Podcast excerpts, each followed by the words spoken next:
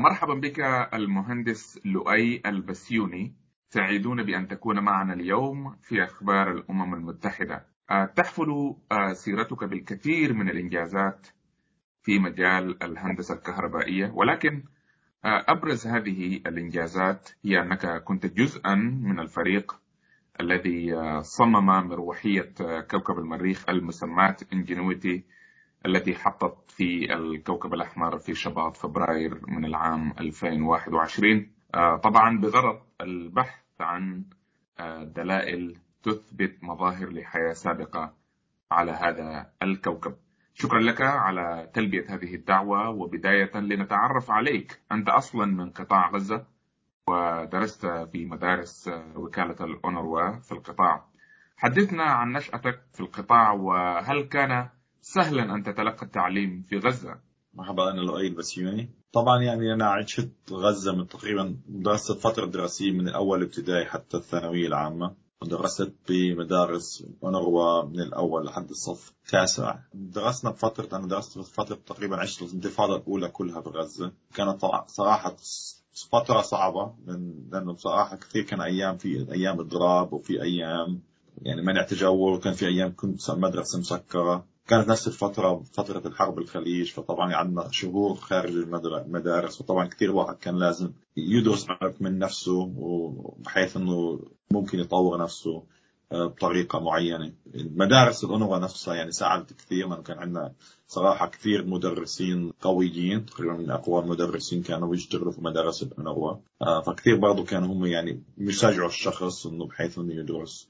في نفس الوقت يعني الأهل كثير كانوا يشجعوا بعرف طبيعة الفلسطينيين بنحب الدراسة كثير بعرفش بحس إنه الفلسطينيين دائما بحطوا كل الاستثمار تبعهم بالدراسة فطبعا كان دائما عندنا هذا الهدف يعني من عمر صغير. يعني كنت طول طول عمري أتخيل حالي حكون مهندس يعني يمكن فترة معينة فكرت حصير يعني صيدلي بس بس انه معظم الوقت كنت بتصور اني أكون مهندس لأنه بحب أبني أشياء بحب أعمل أشياء ممكن تحل مشاكلنا وتحسن حياتنا في المستقبل. يعني دراسة الهندسة كانت شغف منذ الصغر صحيح يعني كنت أنا كثير يعني بحب دائما أفكفك أشياء وأصلح أشياء. يعني كنت أستغرب كنت أعمل أشياء ما كنتش حدا حتى اعرف حالي كيف كنت أعملها. مجرد الواحد يحب الاستكشاف يعني يفك التلفزيون يفك الراديو آه، يحاول يصلحه. يعني فكيت مواتير آه، يعني مواتير عندنا موتور الارباش نستخدمه كان خربان. اصلحه يعني أي شيء كنت احب هيك أشتغل. يعني كنت اشتغل برضه بالف... يعني كنت أرسم وحتى أبني أشياء من ال... يعني سكالبتشر يعني أشياء تماثيل وحاجات زي من الجبس. دائما يعني ما بعرف كل يعني كل سنة أدخل لي بمشروع جديد. نفس الوقت كنت يعني أحاول دائما ألاقي طرق تجارية. إنه مثلا عملت عملت فتره ساعات أعمل ساعات للحيط وكنت أعملهم يعني أرسم عليهم وأحط عليهم مواتير وحاولت أبيعهم بس ما صراحة المشروع هذاك ما نجحش كثير يعني. يعني أهمية الناس بيهتموا بالفن أقل شوي بغزة أو بالمناطق الغرب يعني. ف... بس يعني كثير أشياء طول عمري يعني بحب أصنع وأعمل أشياء. وكان تفكيري دائما كيف ممكن الواحد يحسن مستوى المعيشة تبعته من خلال التعليم والتجارة وشيء مثل والدك يعمل جراح يعمل جراحا. لم يؤثر فيك. في أن تتبع مساره لدراسة الطب والجراحة.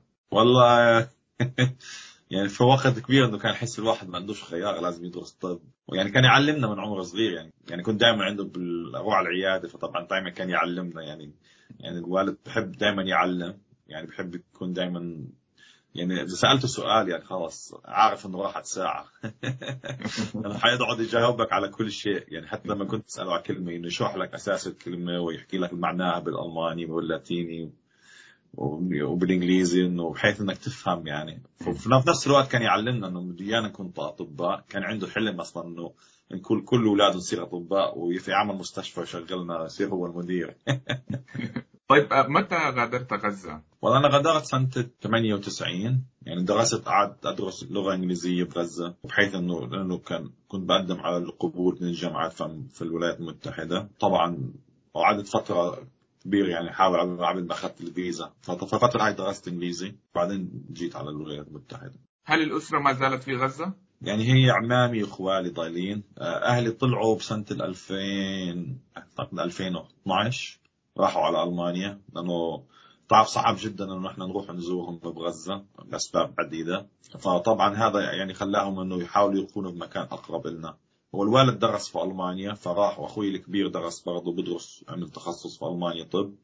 فراح والدي هناك كزيارة وبعدين ضلوا. فقعد فترة في ألمانيا وبعدين حصل هو على الجنسية الألمانية وبقى في ألمانيا. يعني اشتغل كذا سنة في ألمانيا بعدين تقاعد وضلوا في ألمانيا. باش مهندس آه، لؤي البسيوني كيف انضممت إلى وكالة ناسا؟ وكيف تمكنت من المشاركة في بناء مروحية المريخ؟ هذا الإنجاز العظيم. والله هو يعني قصة طويلة. فهي يعني بصراحة انبنت من أيام ما تخرجت من الجامعة إنه يعني أنا حب يعني كنت متأثر كثير في الجامعة ب بالأشياء اللي لها تساعد على البيئة. آه، مع إنه يعني صراحة كنت كثير أحب أشياء الفضاء من عمر صغير. بس حسيت إنه ممكن أحسن أشياء في الكرة الأرضية نغير طبيعة الاعتماد على البترول واشتغلت في يعني مع إني درست يعني درست هندسة اتصالات وكمبيوتر أنا فيعني تخصص يعني تبعي وفي نظام شبكات التحكم. فبس بعدين اكتشفت إنه بدي أشتغل في أشياء لها لها الطاقة الكهربائية إنه يعني السيارات الكهربائية. فاشتغلت يعني صرت عندي بلدية خبرة كبيرة في المحركات الكهربائية. كنت أشتغل في شركة جنرال الكتريك وكيفية التحكم فيها. ومن ثم يعني اشتغلت بعدة شركات مبتدئة بالنظام الشركات السيارات الكهربائية. ومن ثم يعني ذهبت يعني من بعدها كانت أيامها 2011 يعني معظمهم فشل الشركات. هاي كانت في أول أول الشركات اللي كانت سيارات كهربائية لما رحت أنا اشتغلت بشركة طائرات كهربائية. فأخذت الخبرة يعني كيف تعمل تصميمات محركات خفيفة جدا. ومن خلالها إحنا يعني ربحنا المشروع مع ناسا JPL وبحيث إنه نطور الهليكوبتر. ف أنا صراحة كنت يعني كنت أنا من الوحيد اللي اللي بشتغل عندي خبرة ال power electronics ويعني تقريبا مصمم معظم المحركات أو المحركات والانفرتر تاعت الطيارة الكهربائية. فالمدير تبعي حكى لي فيها مشروع المريخ بتحب تكون عليه. آه يعني نحطك electrical lead تكون المسؤول الهندسة الكهربائية عليه. كان لسه يعني أيامها يعني مجرد نبني لعبة صغيرة يعني نقدر نجربها. فطبعا بعدين ناسا يعني طور المشروع للمراحل الأخرى وظليتني أنا عليه وعملت التصميمات لإجزاء كبيرة من الهليكوبتر منها يعني كل كل الأشياء اللي لها دخل بالنظام الدفع الكهربائي. نعم عظيم، كيف تشعر عائلتك بهذا الإنجاز العظيم؟ أنت شاركت في مشروع يعني ربما يسهم في تغيير الكثير من المفاهيم حول آه، كوكب المريخ هذا الكوكب البعيد هذا الكوكب الأحمر يعني ربما يسهم أيضا في تغيير آه، كثير من من الحقائق العلمية هنا في آه، الأرض. صحيح هو طبعا يعني مش مجرد انه اشتغلت على شغله راحت على المريخ يعني تعتبر رحلة انه الطيران هي أول مرة في التاريخ نطير على المريخ فواحد من خلالها دخل في التاريخ يعني فطبعا آه، يعني أهلي كثير فخورين يعني بشكل عام كل الأشياء اللي اشتغلت عليها وكثير يعني فخورين إنه إنه أنا كنت جزء من هذا المشروع وإنه ساهمنا ونجحنا في المشروع طبعا يعني ما تتصورش الفرحة اللي كانت عندهم والافتخار يعني قديش بيفتخروا في الواحد. فطبعا يعني مش أنا بس يعني حتى كل إخوتي والوالدين. وطبعا كثير عندنا حتى يعني كل أهل أهل يعني بيت حنون وأهل غزة وفلسطين. يعني في الافتخار مش بس مجرد يعني بيرجع لأهلي يعني كل يعني كل الناس اللي بعرفهم. كيف تنظر إلى مستقبل استكشاف الفضاء خاصة في ظل محاولات البحث الحثيثه عن كواكب أخرى صالحة للسكن بالنسبة للبشرية هذه محاولة أولى يعني. كيف تنظر إلى مستقبل الفضاء؟ هو مستقبل الفضاء يعني كبير يعني. هو صراحة أكثر ما تدرس على الفضاء تكتشف إنه إحنا يعني يعني عندنا كوكب يعني من أجمل الكواكب اللي إحنا عليها وما في شيء يعني معروف إنه حتى شبيه. يعني أقرب كوكب يعني ممكن يكون شبيه للأرض وصعب جدا إنه نوصل له هو ألفا سنتوري تقريبا يعني فوق ال 100 عام تأخذ قبل ما توصل له. فطبعا يعني إنه يعني إحنا يعني هي الدراسات في الفضاء هي مجرد تساعدنا لفهم كوكب الأرض فتساعدنا يعني من ناحية إنه كيف ممكن نحسن الحياة على كوكب الأرض. طبعا في هناك أغراض إنه ممكن نلاقي كوكب آخر أو مثلا أو تصير محاولات إنه مثلا نذهب لكواكب أبعد. بس إحنا عارفين في الكواكب يعني معظم الأبحاث على المريخ هي تساعد على نفهم التغييرات المناخية اللي حصلت على المريخ كيف ممكن تؤثر على الكرة الأرضية. آه، فهذا أكثر شيء ممكن يساعدنا. طيب إذا تحدثنا عن المروحية نفسها طريقة عملها في المريخ يعني ما الهدف من إرساله أصلا؟ أول هدف أنه فهم يعني في هناك أشياء كثيرة منها أول شيء عندك إمكانية الطيران في غلاف جوي يعني نسبة الهواء قليلة فهي طبعا هي أول مرة تصير لأنه حتى على الكرة الأرضية يعني على ارتفاع عالي جدا ما فينا استطاع نطير مروحيه في نفس الشيء إنه ممكن تساعد في الاستكشافات في المريخ من ناحية إنه تبعث صور للروفر هي المروحية عدت الفترة المحدودة لها أصلا. يعني هي كان المفروض تطير مجرد بالكثير خمس مرات لاثبات نظرية الطيران لأنه هي تعتبر إحنا بنسميها يعني كلاس 2 يعني إنه بس إنه الهدف تبعها إثبات علمي بحت يعني إنه ما لهاش أهداف استكشافية.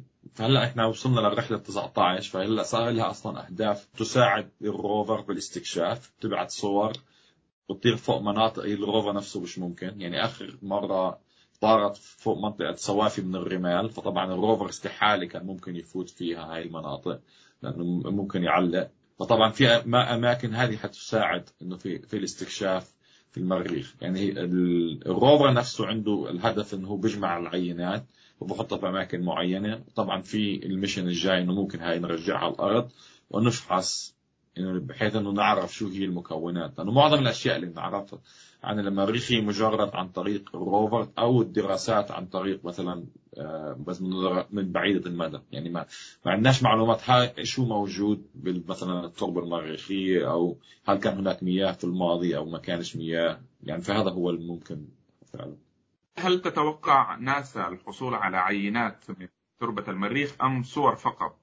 هي الهدف من ال rover أو ال mission ال Mars 2020 إنه بجمع عينات وبحط العينات في أنابيب وحيحطهم في أماكن معينة. فهلأ في mission جاي يعني مش عارف إذا ممكن نتأمل نشتغل عليه. هو ال Mars return mission. فطبعا هذا ال mission هو يعني هو حيبعثوا حتكون برضه صعبة جدا لأنه لازم عندك طريقة إنه ممكن تطلق حاجة خارج الجاذبية المريخية. فهذا طبعا صعبة يعني لما يعني نبعث صاروخ لهناك. بدك تحاول تبعت صاروخ إنه ممكن يخرج من المريخ بحيث إنه يجمع كل العينات يبعث روبوت يجمع. فهي الشغلة يمكن سهلة بس هي شغلة إنه إطلاق من المريخ. وبعدين حتطلع تدور حول المريخ وبعدين تجمع عن طريق نظام ممكن ترجع على كوكب الأرض. فطبعا هاي موجودة يعني خلال يمكن 10 سنين أقل من 10 سنين حيكون هذا الشيء أصلا يعني يعني ناسا عندها يعني عندها أهداف إنه هذا الشيء حيحصل يعني خلال الخمس سنوات القادمة. هل تطمح في زيارة الفضاء يوما ما؟ والله هو أكيد يعني. على الأقل إنه بس يطلع يعني الواحد خارج الجاذبية الأرضية يوصل منطقة الصفر. بس ما بعرفش إذا أروح على المريخ ولا لا.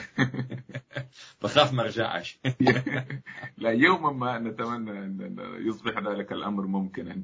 باشمهندس لويل بسيوني نعلم أنك متخصص في مجال السيارات الكهربائية. وطبعا هذا المجال يعني آخذ في التوسع خاصة في ظل الجهود الرامية إلى خفض الانبعاثات الضارة بكوكبنا. هل تعتقد أنه بالإمكان التخلص تماما من السيارات التي تعمل بالوقود يوما ما؟ والله هو ممكن جدا. يعني هي إحنا الشغل إنه في عدة أسباب. يعني ممكن إحنا نذهب إلى سيارات كهربائية، أولها بنقلل نسبة العادم الموجود بالمدن، فالمدن نفسها هواءها بصير أفضل. وبضل عندنا المشكلة الثانية إنه مشكلة تحويل الطاقة، يعني معظم السيارات الكهربائية تحتاج إلى طاقة كبيرة، فلازم نطور مش بس مجرد السيارات، لازم نطور مثلا الشبكات الكهربائية والمولدات الكهربائية نحول أشياء إلى طاقة الرياح وغيرها والشمسية. في نفس الوقت حنست برضه نستخدم البترول نشغل كثير من المولدات الكهربائية. بس طبعا المستقبل حيكون يعني مليء بكل الأشياء بالتغييرات هاي فكثير حتساعدنا يعني بحيث حتى إنه في هناك يعني مش بس مجرد السيارات حتى بالطائرات فممكن نذهب لتكنولوجيات تختلف حتى إنه مثلا تكنولوجيا هيدروجين أو شيء مثل هذا. لأنه طبعا كمية في السيارة الكهربائية يعني هي يعني تقريبا إحنا وصلنا لها درجة إنه ممكن اعتماد تماما على السيارات الكهربائية.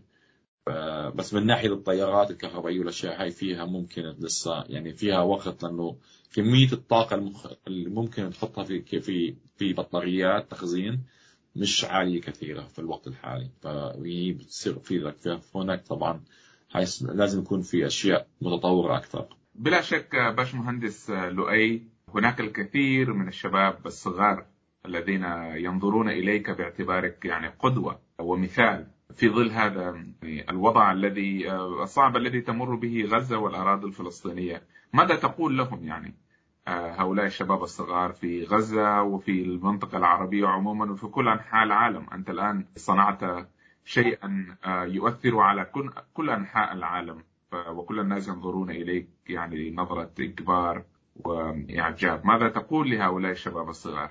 والله واحد دائما لازم يكون عنده أمل أنه يحقق اللي بده إياه. يعني يصير في هذا في هذا الشيء. يعني ما في شيء مستحيل. يعني طبعا الواحد لازم يحاول. يعني إذا ما حب بيحاول ما ما بيعرف إنه ممكن ينجح أو يفشل. وبنفس الوقت حتى لو الواحد يعني مش يعني اشتغل في شيء أو حاول عنده مثلا حلم ليعمل شيء وممكن يفشل إنه ما يخلي الفشل يوقف طريقه. يعني صراحة مرقت بكثير نقاط أنا يعني فشل بحياتي ويعني ما بحكي الواحد ساعات بتعلم من الفشل أكثر من بتعلم من النجاح. الواحد مهم دائما يضل مستمر مهما كانت الظروف ويكون دائما يعني تفكيره إيجابي إنه ممكن ينجح وممكن يوصل. وحتى لما لما يعني الواحد زي الواحد هو بيجري بالطريق يعني ممكن يوقع يوقف ويرجع يرجع يجري مرة ثانية. فلازم يضل لحد ما يوصل للهدف اللي هو بده إياه. في ختام هذا الحوار نشكر لك وجودك معنا وهذه المعلومات الثرة. ونتمنى لك المزيد من التوفيق. في مشاريعك القادمة. هل لديك رسالة أخيرة تود قولها من خلال هذا الحوار؟ إن الواحد لازم يكون دائما يعني عنده يعني إيمان بذاته وبشخصيته وبنجاحه. وكل شيء مش حيكون بس لهدف شخصي. يعني الواحد لما يحب الواحد الشغل اللي هو بيشتغله يعني بتزيد بتزيد إمكانية النجاح. وطبعا الواحد لما يشتغل بمجال بيحبه إنه مش مجرد هدفه إنه هدف يكون هدف مثلا مالي شخصي. انه يكون مثلا هدف نحسن الحياة على الكرة الأرضية نحسن الحياة في مجتمعنا. لأنه إحنا مجرد جزء يعني إحنا مجرد جزء من مجتمعنا إحنا مجرد جزء من عائلتنا إحنا مجرد جزء من كوكبنا. فطبعا فطبعا لازم الواحد تفكيره زي هيك ممكن كثير تساعده. وبرضه إحنا من يساعد الواحد غيره بزيد النجاح. فطبعا يعني كل شيء بيرجع للشخص.